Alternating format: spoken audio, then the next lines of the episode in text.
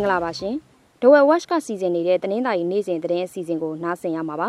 ဒီနေ့အတွက်တင်ဆက်ပေးမယ့်သတင်းတွေကတော့လောင်းလုံးမြို့လာဝကယုံပြစ်ခံရပြီးနောက်မြို့ခံ၄ဦးထပ်မံဖမ်းဆီးခံလိုက်ရတဲ့အကြောင်း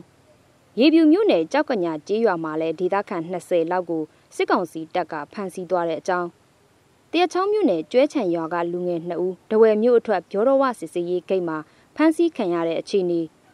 ပလောမြို့အနီးကမကြီးကုန်းစစ်ကောင်စီစစ်စေးရေးဂိတ်တစ်ခုပြစ်ခတ်တိုက်ခိုက်ခံရတာ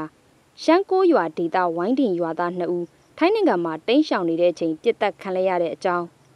ရှမ်းကိုးရွာဒေသကပဲရာအိမ်မှုနဲ့အရန်မိသက်တပ်ဖွဲ့ဝင်တို့ပြစ်ခတ်ခံရပြီးတေဆုံးသွားတဲ့အခြေအနေအာယုဒယကားဆက်ယုံမှာမြမအပါဝင်ရွှေ့ပြောင်းလုပ်သား400ကျော်အလုထုတ်ခံလိုက်ရတဲ့တဲ့မဲဆောက်မြို့မှာထောက်ထားမရှိတဲ့မြန်မာလူသမား15ဦးအဖမ်းခံရတဲ့အကြောင်းစတဲ့သတင်းတွေကိုနားဆင်ရမှာဖြစ်ပါတယ်။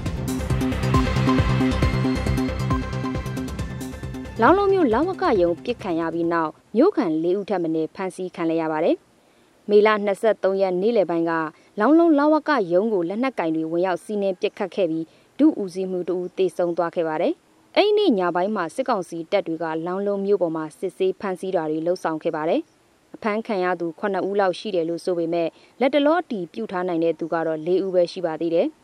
အဖမ်းခံရသူတွေထဲရဲဝန်ထမ်းဟောင်းမိသားစုဝင်နဲ့အခြားဌာနဆိုင်ရာဝန်ထမ်းမိသားစုဝင်တွေပါတယ်လို့ဆိုပါတယ်။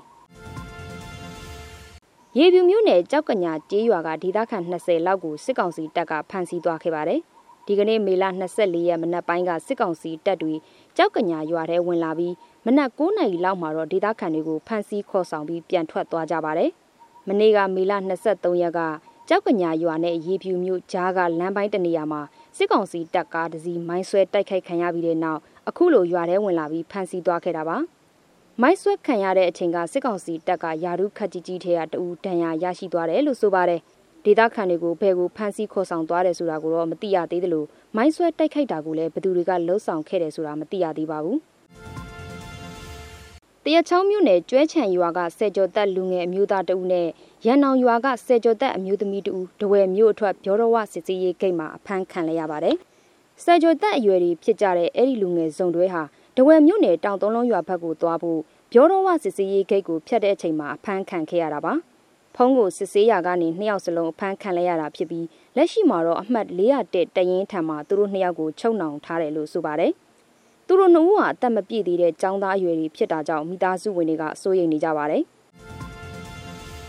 ပလောမြို့အနီးကမကြီးကုန်းစစ်ကောင်စီစစ်ဆေးရေးဂိတ်တစ်ခုပြစ်ခတ်တိုက်ခိုက်ခံခဲ့ရပါတယ်။မကြီးကုန်းရွာစစ်ဆေးရေးဂိတ်ဟာပလောမြို့နဲ့အနီးဆုံးစစ်ဆေးရေးဂိတ်ဖြစ်တယ်လို့အစစ်အဆေးလဲအလွန်တင်းကျပ်ပါတယ်။ဒီကနေ့မေလ24ရက်မနက်10:00နာရီလောက်မှာတော့အဲ့ဒီစစ်ဆေးရေးဂိတ်တိုက်ခိုက်ခံခဲ့ရပါတယ်။နှစ်ဖက်လက်နက်ကြီးလက်နက်ငယ်ပစ်ခတ်တံတွေကိုနေ့လယ်7:00နာရီလောက်အထိကြားနေရတယ်လို့ဆိုပါတယ်။ တိုက်ပွဲတွေမကြာခဏဖြစ်နေတာကြောင့်မကြီးကုန်းရွာမှာတော့ဒေသခံတွေမနေရဲကြလို့ထွက်ပြေးနေကြတာကြာပြီလို့ဆိုပါတယ်။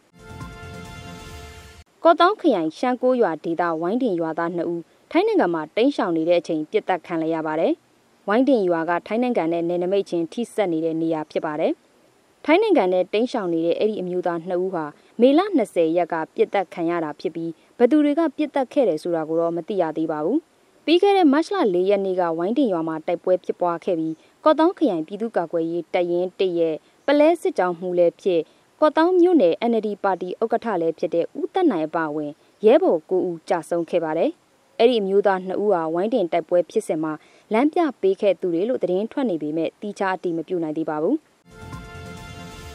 ကော့တောင်းရှမ်းကိုရွာဒေသကယာယီမှုနဲ့အရန်မိသက်တပ်ဖွဲ့ဝင်တို့ပြစ်တက်ခံရပြီးတေဆုံးသွားပါတယ်။ ထိုင်းမြန်မာနယ်စပ်ပချံမြကန်းတလျှောက်မှာရှိတဲ့ရှမ်းကိုရွာဒေသ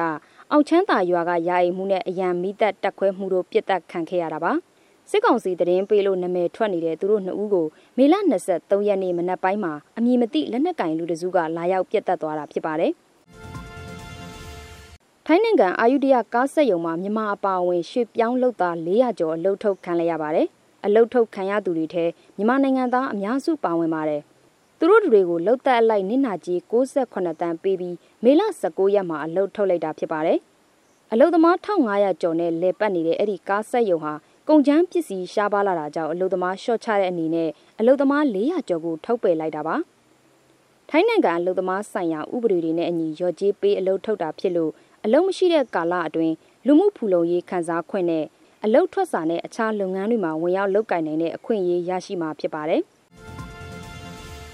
ထိုင်းနိုင်ငံမဲဆောက်မြို့မှာအထောက်အထားမရှိတဲ့မြန်မာအလုပ်သမား15ဦးအဖမ်းခံရပြန်ပါတယ်။မဲဆောက်မြို့မဲတောင်ဒေသမှာရှိတဲ့စက်ရုံတရုံကိုအာဏာပိုင်တွေပူးပေါင်းကွင်းဆင်းပြီးစစ်ဆေးရာကနေမြန်မာနိုင်ငံသားတွေဖမ်းခံခဲ့ရတာပါ။မဲဆောက်မြို့မှာအခုရက်ပိုင်းထိုင်းအာဏာပိုင်တွေကရှောင်းတခင်ဝင်ရောက်စစ်ဆေးဖမ်းဆီးတာတွေမကြာခဏလှုပ်ဆောင်နေတဲ့အကြောင်းတင်ဆက်ပေးလိုက်ရပါတယ်ရှင်။